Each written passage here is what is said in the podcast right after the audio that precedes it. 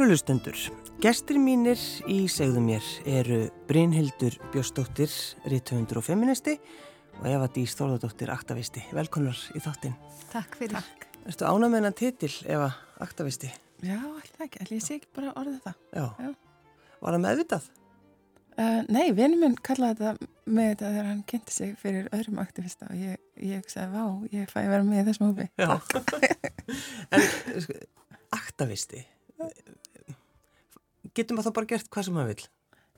Um, nei, það stendur í raun og veru bara fyrir, eða, fyrir mér stendur þetta að ég stend með og, og hérna berst fyrir því sem ég trú á. Já. Já. Mm. Hvað hýttist þið?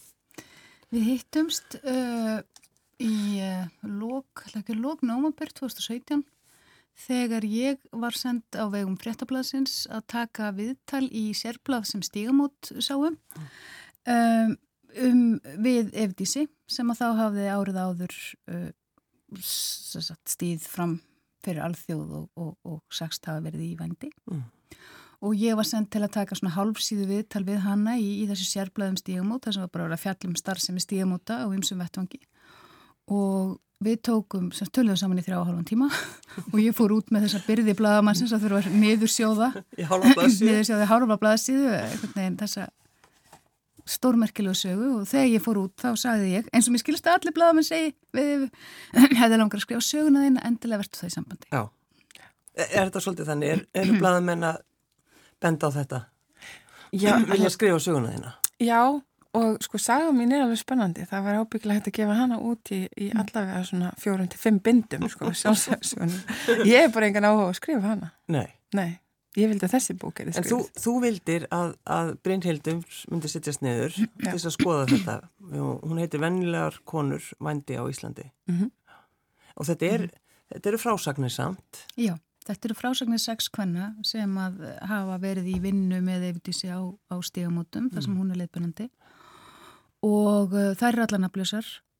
Og hérna, en svo til þess að búa til samhengi fyrir þessa umræðu sem við þurfum að eiga sem samfélag þá lagðist ég í rannsóknarvinnu og skoðaði bæði byrtingamindir vændis í sögu og menningu hvaðan hugmyndirnar okkar koma. Oh. ég skoðaði íslenska fjölmiðlefyllun frá 1940 svona fyrsta, fyrsta tilfelli sem ég fann var Jónas frá Hriblu 1940 og tala um, tala um vændi menn ekki alveg hvað blæði hétt en sem sagt fór í gegnum tímaritt.is láð þar, láð alveg í því Og svo fjalla ég um, um lagarsetningu sem er, það, sem er kannski helst tekist áum í orðræðinni um vændi þessa, á þessum, svona þessa dagana og, uh, og svo skoðaði ég það sem, finnst kannski, það sem mér finnst kannski svona markverðast fyrir utan auðvitað sögurnar þeirra sem eru náttúrulega svo ótrúlega mikilvægt að, að komi fyrir almenna sjónir.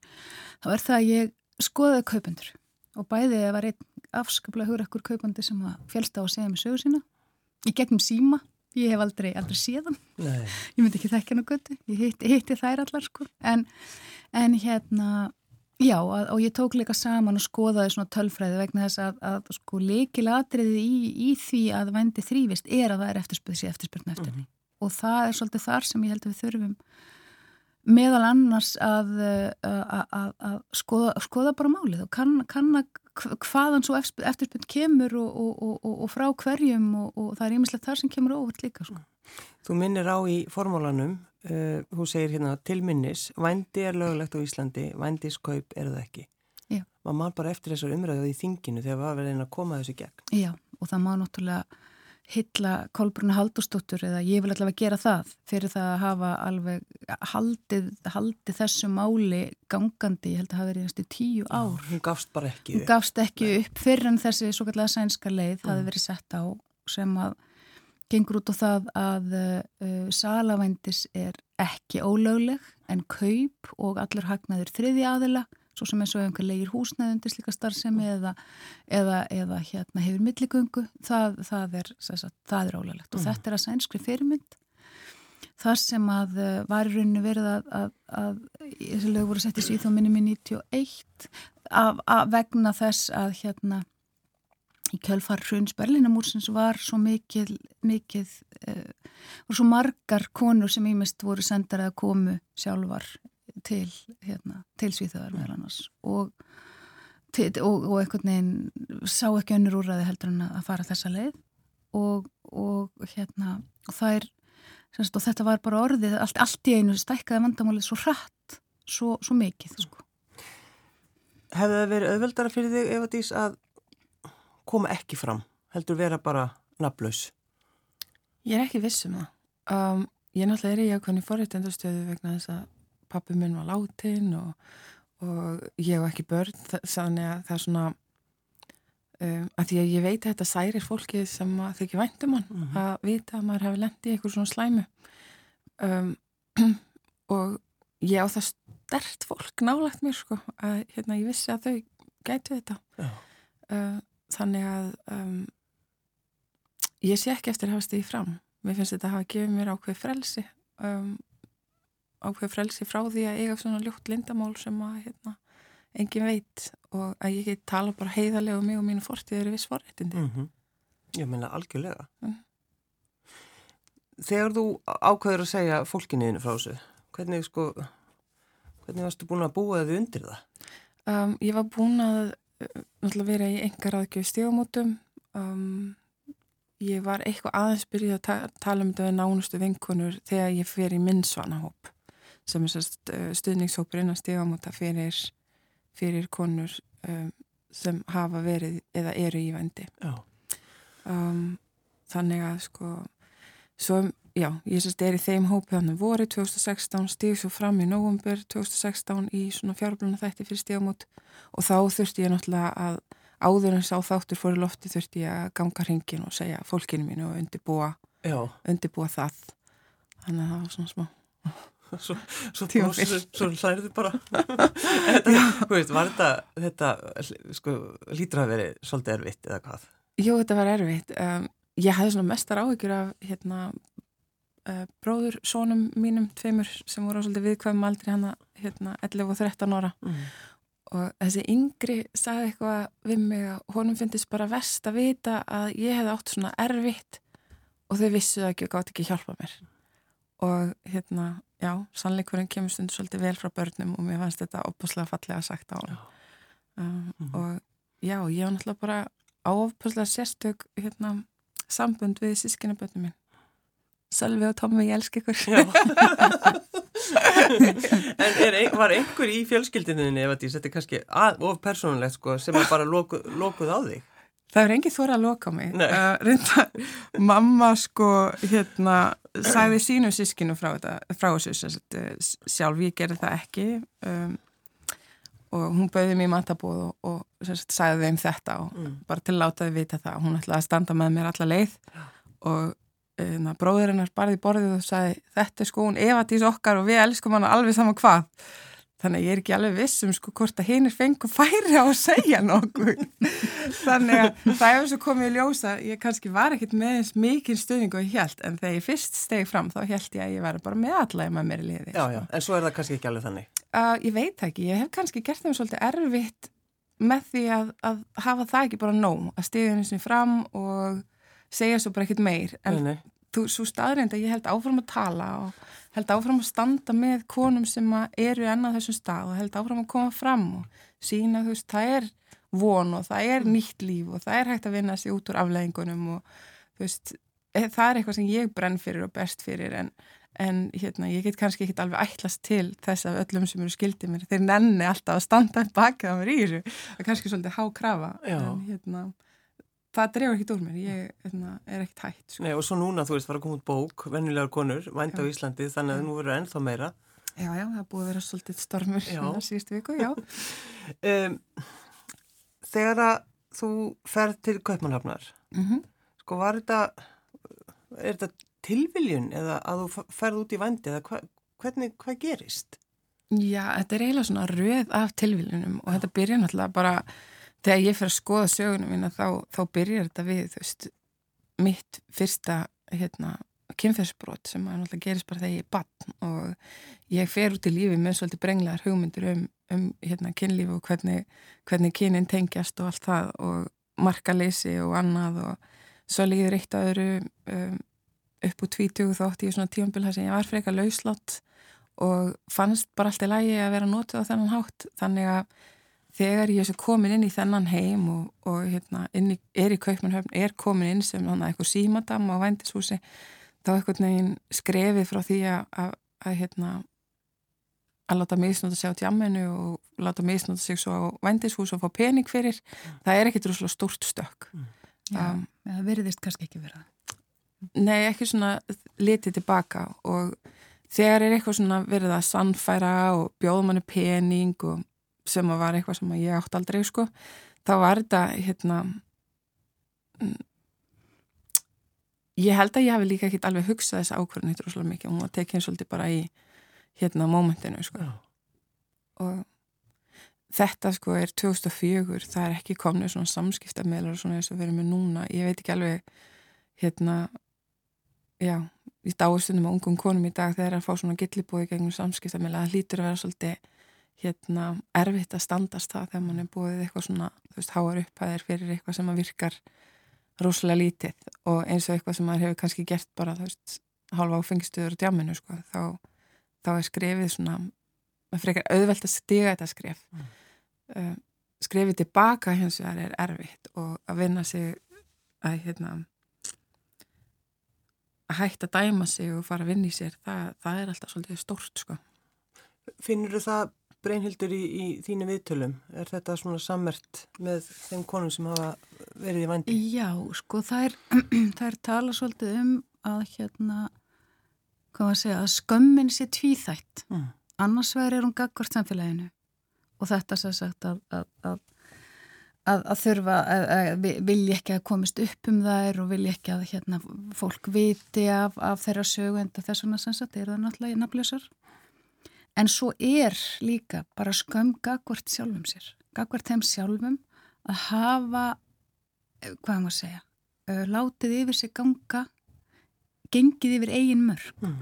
og það er auðvitað það, við erum með skilgreiningu hérna í fyrstu, bara á fyrstu síðan bókarinnar sem að mér fannst mjög góð skilgreininga því að við höfum svo oft talað um þetta sé samskip, sem sagt, eh, hvað maður segja, viðskipti með samþykki En þetta vændi er í rauninni viðskipti um það að þurka út mörkin sín. Mm. Vegna þess að þú, þú, það, þú, þú velur ekkert kun eh, viðskiptavinnin þinn eða þann sem að kaupur að þér. Þú, hérna, ef þú ert í, í þessu þá ertu í því vegna þess að þú þart peningana ef, ef þetta er eitthvað áhugamál sem þú fá greitt fyrir þá er það náttúrulega bara annar, annar hlutur sko. En ef þú ert í þessu af fjárhalsleiri neyð og það sem er kallað sjálfsbjörgar vendi þá velur þú ekkert hverða er sem kemur til þín og þú getur ekkert valið hvort það er eitthvað sem þú laða stað eða ekki og, og þú getur reynd að setja mörg um það hvaða, hvers konar aðtæfnir eða hvað þú ætlar að gera. En þegar á hólminu komið og það er segja það allar að þegar á hólminu komið þá, þá er mjög erfitt að setja mörg gagvart einhverjum sem segir já ég borgaði þér. Mm og það er kannski svolítið það sem að hérna, það, það, það er kannski svo tilfinning sem að, sem að þær tala um að sé erfitt að vinna með og lifa með að hafa einhvern veginn sko sjálfar búið til þessi aðstöðu sem að það er náttúrulega geruð þetta ekki nefn út úr neyð og þá eru þetta spurning veist, hvort það er eitthvað sem, að, sem að er algjörlega þín fús og frjálsi vilji mm. sko. Hvað, þú ert í hvað, 7 átta mánuði mm -hmm. að vinna á vændishúsi. Já, já það var hægt að kalla það vinnu Já, akkurat. Já. Það er alltaf að tala um það að vinna. Já, já, já. Mm. það er að tala um það að vinna og við getum erum alveg með talum að þessum það í bókinni hvernig við skilgrinum þá þessa vinnu. Því að til dæmis hún fölur gerna í sér að komast í snertingu við líkamsvessa sem að þýðir það að þú ættir að vera bara í fullum COVID-líðarbúningi að þú ætlaður að, að sinna þessu sem starfi. Mm og í, í engu starfi þá gefur þú upp, hvað maður segja, þá, þá ert þú sagt, í öll, öllum starfum sem að það sem að líkamlega snerting kemur við, þá er það er, er alltaf sagt, sá sem er að, er að vinna sá sem snertir, þú nuttar ekki nuttanaðinn, þú klippir ekki klippanaðinn Já, það væri allavega mjög óminsalt en, en ég er löngu hægt að tala um þetta sem vinni Já, en, en gerður þú það? Mm, á þeim tíma, já, já, já, mér, já. þú veist að ég átti vaktir og mútti í vinnuna og, og allt það en, Ég er í vinnutörn. Já, já, en í dag þá, þá nota ég hérna vændisbrot um, um vændi vegna þess að vændi er skilgrein sangvænt íslenski lögjöf sem sem kynferðsópildi þannig að vændi er vendisbrot og, Mm.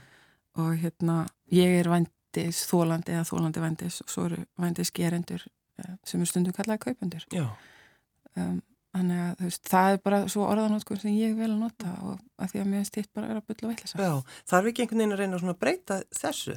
Við erum, erum farin að gera það í stígamótum sko. Það er við tala um þetta svona þar Mm.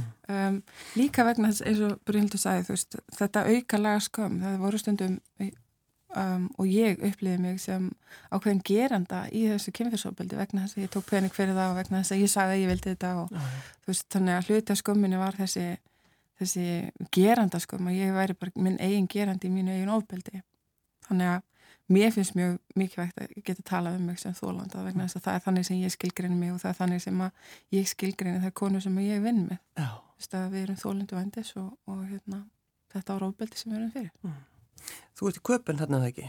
Jú. Og þú, sko, þú fórst á milli vendis húsa. Já, ég byrjaði hann í einhverju litlu húsi Ballerup sem er svona útkverfi og færði mig svo nýra á Nörribró það var bara svo frekar hættulegu staðir þannig að ég fór inn á Fredriksberg og svo er, fór ég líka hann aðeins út á landi Óarhús, Olborg og Ringstad Já. Já. Og einhvern kampaðinsklub og Já, alls konar svona. kamplæðisklubur á Fredriksberg, já Já, mm þetta kallir þetta eins og Og svo fórum við, já, Já. um, já minn fyrirhandi var með eskortþjónustu og eftir að við svo byrjum saman aftur þá fór ég fyrir hann Mm. í eskort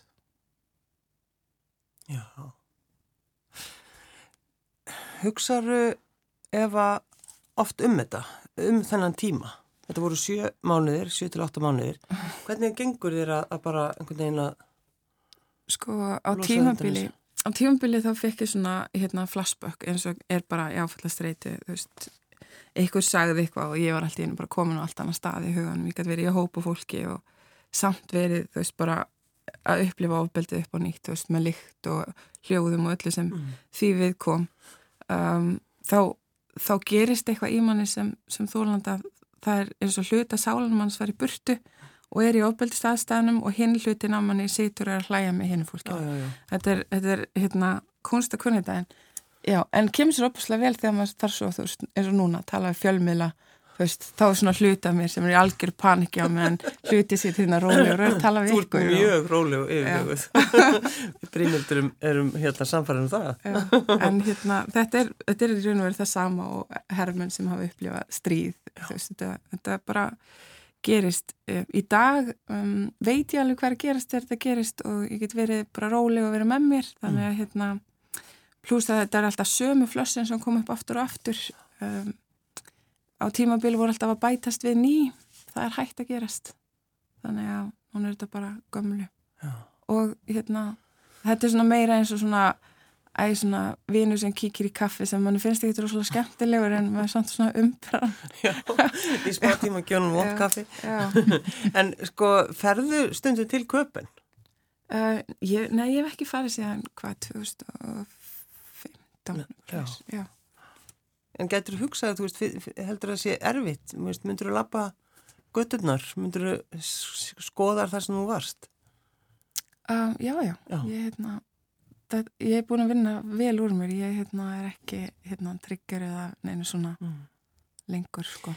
En að því þú segir ef að, sko þessi áföll sem hún verður fyrir í bara lífinu Já. og svo aðeins með pappaðinn, að því þú talar um það að pappiðinn var dáinn þegar þú kemur fram. Mm Hvað kom fyrir pappaðinn? Hann tók líf sitt uh, 2011 það var svona tímabil hjá mér sem að það var svona röð áfalla hann að 2011 og, og ég enda út af vinnumarkanum og eiginlega svona er bara komin út í horn og það er fyrst þá sem að ég leita til stíðamúta og ég held þá að ég var að leita til stíðamúta vegna þess að ég var að gera mig grein fyrir því að ég var fyrir kynfyrsopil sem bann Mm.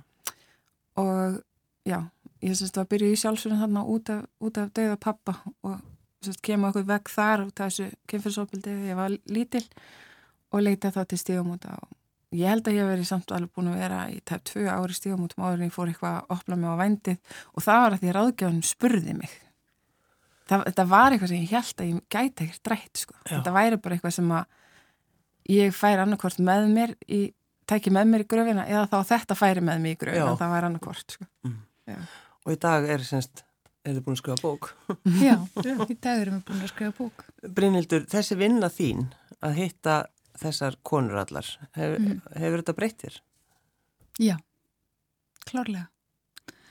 Vegna þess að ég sko skrifa í inganginum að bókinni að ég, sem sagt, var í London 24 ára nýbúin með leiklistarna og vissi ekkert hvað tæki við, var blöngavinni, einhverju ógislega leðilegri skúningavinnu mikið óveriki og, og, og jáfnframt mikið löngun til þess að fylgja drömmum mínum. Mm -hmm.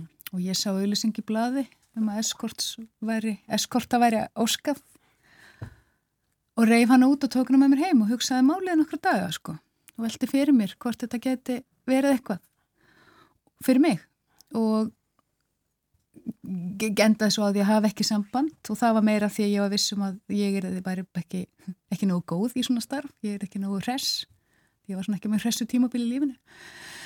En uh, þannig ég hef oft sko og er rauninni var bara langt fram eftir æfinni með þessar semi-romantísku hugmyndir sem að margir hafa um, um vændi að það sé annarkvort bara hæmingi sem og hress kona sem að finnst allt geggjað við það að, að sofa bara hjá hverjum sem er eða stunda eiga, eiga sam, samræði við hvert sem er og hvaða hátt sem er.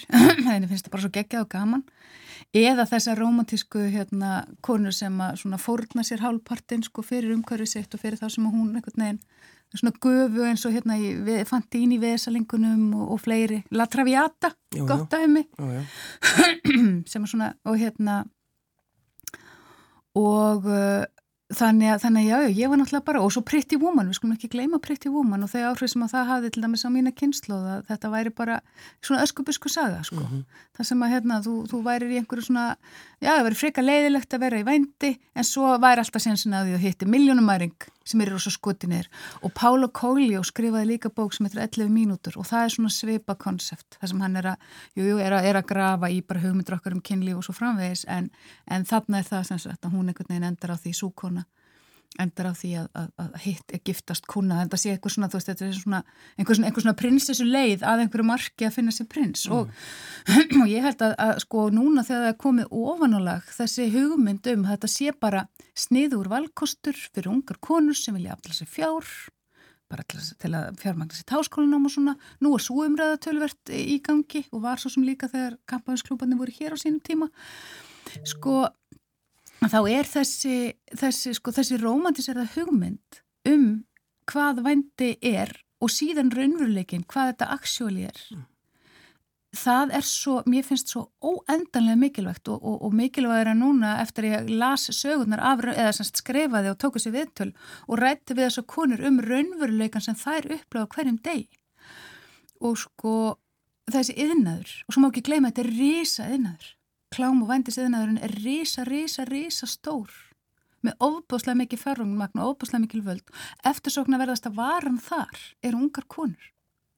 Þannig að þegar að verða að halda þessum hugmyndum að þeim að þetta sé eitthvað eftirsókn að verði jafnvel pínu romantíst, jafnvel pínu svona eitthvað svona kynferðslega spennandi og svo framvegis, þá verður að koma mót vægi og ég vona svo ennilega ef það er einhver sem er að huglið að fara þessa leið hvort sem það er út úr neyð eða eins og ég segja á þessum forsendum sem er haldið að, til dæmis í gegnum þessu OnlyFans umræðu sem er haldið að ungum konum að þetta sé bara eitthvað sem þeir geta alveg gert og sé ekkert mál að, hérna, að það sé þá allavega til þessi bók og þau geta þá allavega kynnt sér fleiri hliðar á þeirri sögu og því máli og geti tekið þá upplýsta ákvörðun mm. Og svo auðvitað sem að við náttúrulega viljum líka með þessari, að að, með þessari bók vekja aðtikla á og það er í rauninni bara bara áttu sem er rétt að byrja. Að það er að auka úrræði og bæta úrræði fyrir konur sem að hafa lengt í þessari stöðu eða eru komnar fjáraslega algjörl út í hotn. Mm. Og þar komið þið inn svolítið þegar ekki stígamótum eða hvað? Jú, ég held svona... samt sko að byggtíminn stígamótum sé núna á melli 6 og 8 vikur sko, eftir nýju viðtali. Þannig að stígumund þurfa líka bara úrræði. Um, ég, sko, ég með eitthvað svona draum um að konur geti leita til stígumúta um, vegna vendis og falli þar svolítið í fjöldan með hinnum hérna, þólundum kynferðsopildis og geta sótt sér aðgjöð þángað og unnið í sér að þær geti þá sótt um hérna, fjárstyrkingu í kristinasjóð til þess það er náttúrulega fjárvitingu frá ríki og eða sveitafjöljum í kristinasjóð. Og hérna það er svona, þú veist já, minn draumur að konur geti þá leita þangað hvort sem þær eru á leiðinu út úr vendi eða hafa bara lendi í ykkur í vendinu og þurfa að vinna í sér veist, það, er svona, það er svona mitt uh, eitt af mínu megin markmið mm. megin markmið er samt það að umræðan um vendi sem kynferðsopildi nái á sama level og umræðan um annað kynferðsopildi að þólendu vendis geti stíðið fram og tala um reynslu sína af vendi sem kynferðsopildi og öðru kynferðsopildi bara eins og aðri þólendur hafa verið að stíga fram. Vegna þess að það er ekki það langt síðan að þólendur kynferðsopildis vildu ekki þekkjast uh, þáðu naflind töluðu um, um sína reynslu sína í í skugga og naflust í fjölmjölum og það er ekki þannig lengur. Nú stiga bara þólendur kynfyrsofili sérstaklega eftir MeToo bara fram í sinni valdeflingu uh, að krefjast hérna, ákveðins réttar fyrir sig sem þólendur og við þurfum að ná vændisumræðinni á þetta stig fyrir þólendur. Já. Mm. Losa skömmina. Af því hún er svo, hún er svo erfið sko. Er hún erfiðust skömmin?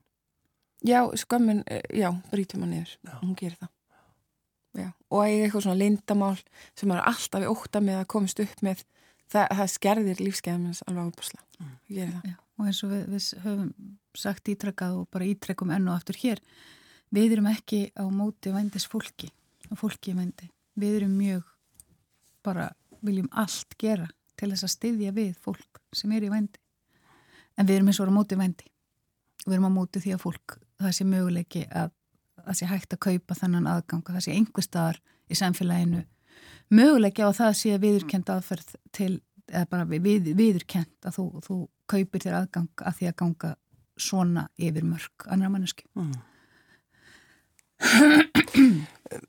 Var erfitt að hætta? Mm.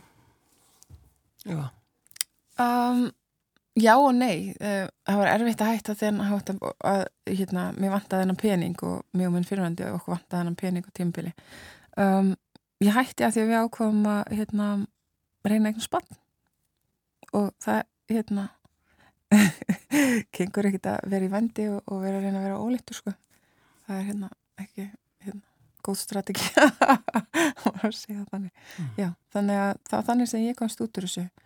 Um, hitt svona mál, þú veist, ég lendi hann í heilsuprest og umferðslýsum hann á 2011 og byrja mitt svona endurhæfingarferðli og það eh, fyrir, eh, já, það er sérst eh, samningar við tryggingastofnun og, og, og um, já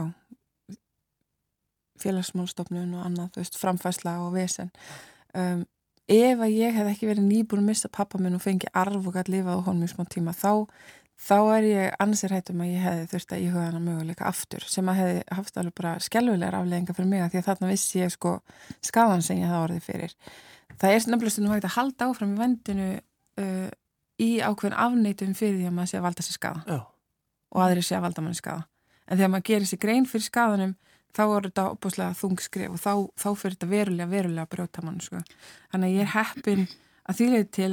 að eða fáránlegt að segja maður sé heppin um pappa mann sæði dáið en það var það, þannig að ég gætt ég átti smá sjóð og gætt hérna, framfært sjálfur mér þannig mm. en mjög margar af þessum konur sem ég mæti það er hafa lendi í ykkur svona veikindum annarkvært andlegum eða líkamlegum dottið hans út af vinnumarkaðnum þurft að sækja sér fjárhagsaðstof og hún bara dögur ekki til mm.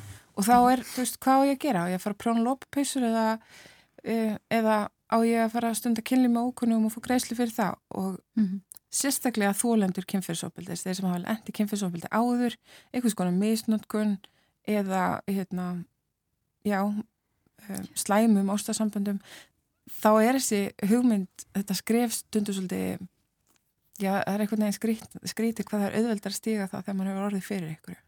Já, og, og það kannski af, af, af því að fólk með konurnar allavega í bókinu segja allavega að það er haldið að það sé engin munur á því þetta sé bara eitthvað erfitt one night stand og það var það sem ég held sjálf þegar ég var íhugað þetta. Þetta væri bara eitthvað það stundum lendum maður á því að vakna á hliðin okkur sem maður langaði ekki að vera hér með og bara svona úpsæri, ú, bara læðist út. Fyrir ekki skóna fyrir ég komið fram eða eitthvað. En sko þetta er allt annað.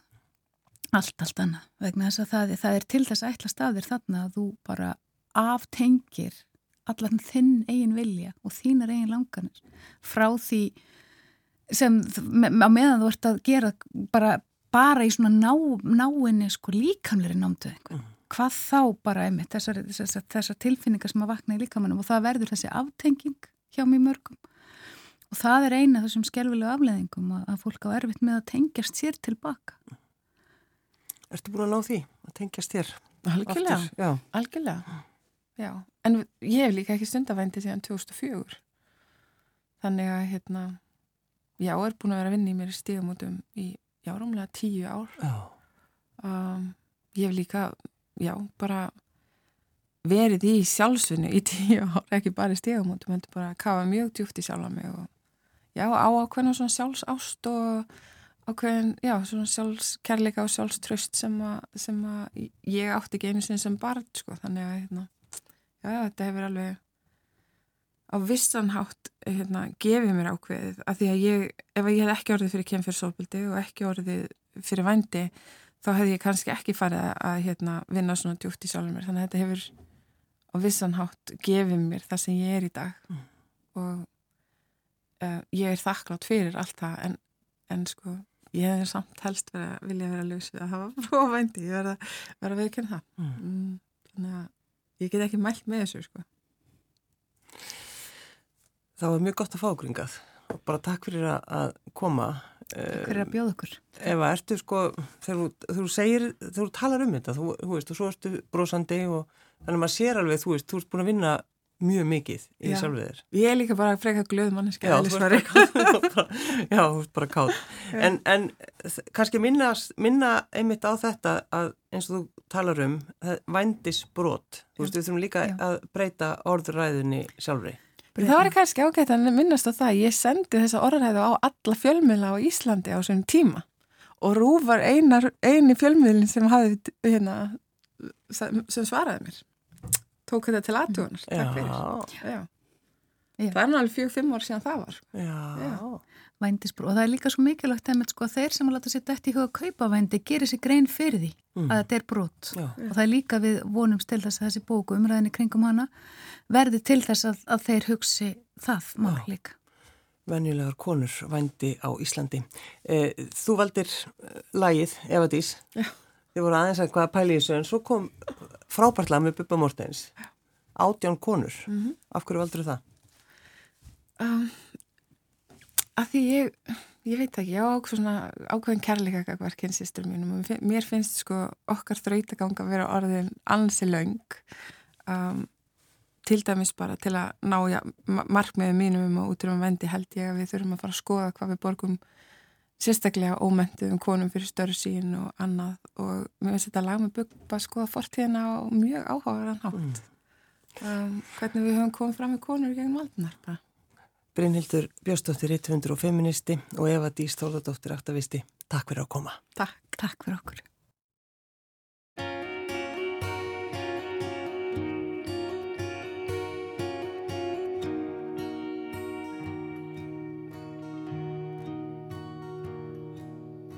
konur sem kunnu að elska heim trúðu að hann og hún yrðu eitt.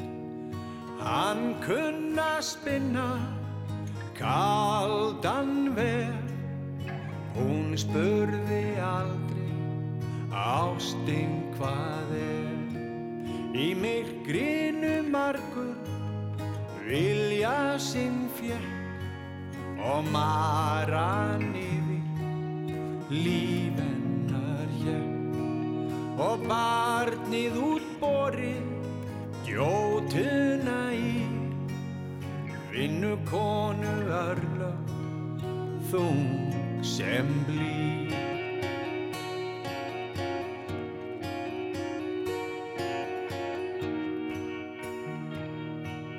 Við bakkan ég satt um sólarlags byrj Ég sá öll þessi andlit í drekkingar hér Ég sá öll þessi andlit þrútinn og blá.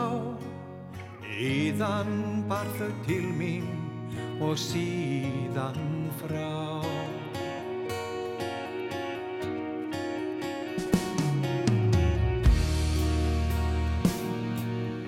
Hún sett í poka en prestur í kjó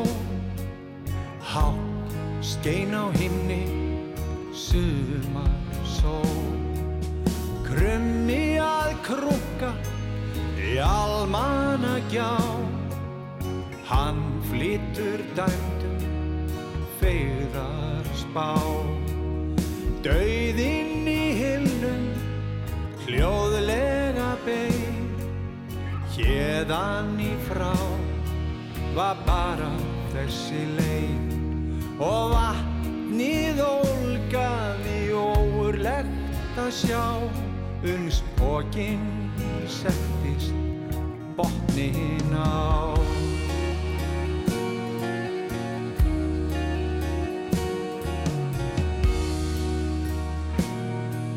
Við bakkan ég satt um sólandar spil Ég sá öll þessi andli í drekkingar hið Ég sá öll þessi andli þrútinn og blá.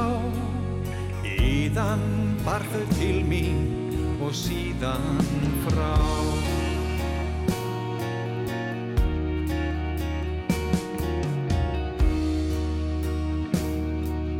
Konum sem áttu sér enga vörn var drekt fyrir það eitt að eignast börn.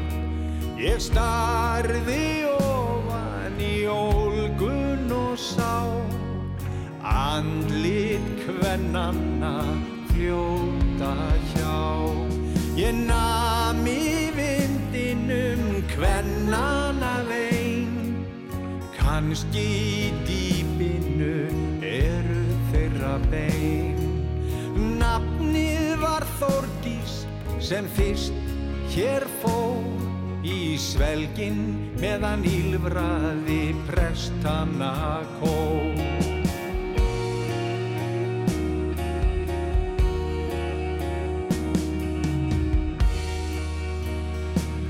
Við bakkan ég satt um sólarlagsbyr Ég sá öll þessi andlit í drekkingar hér Ég sá öll þessi andlit þrútinn og blá.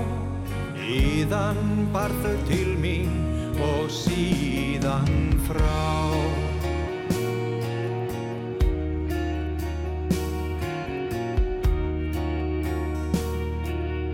Höfðingjar nýttu vönd sinn og völd á bakvið kolsvörtu tjöld.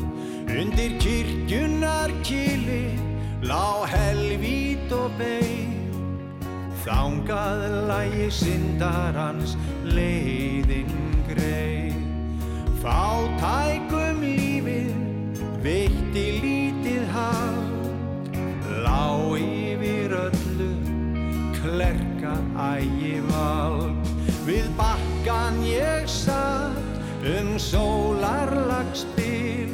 Ég sá öll þessi andlit í drekkingar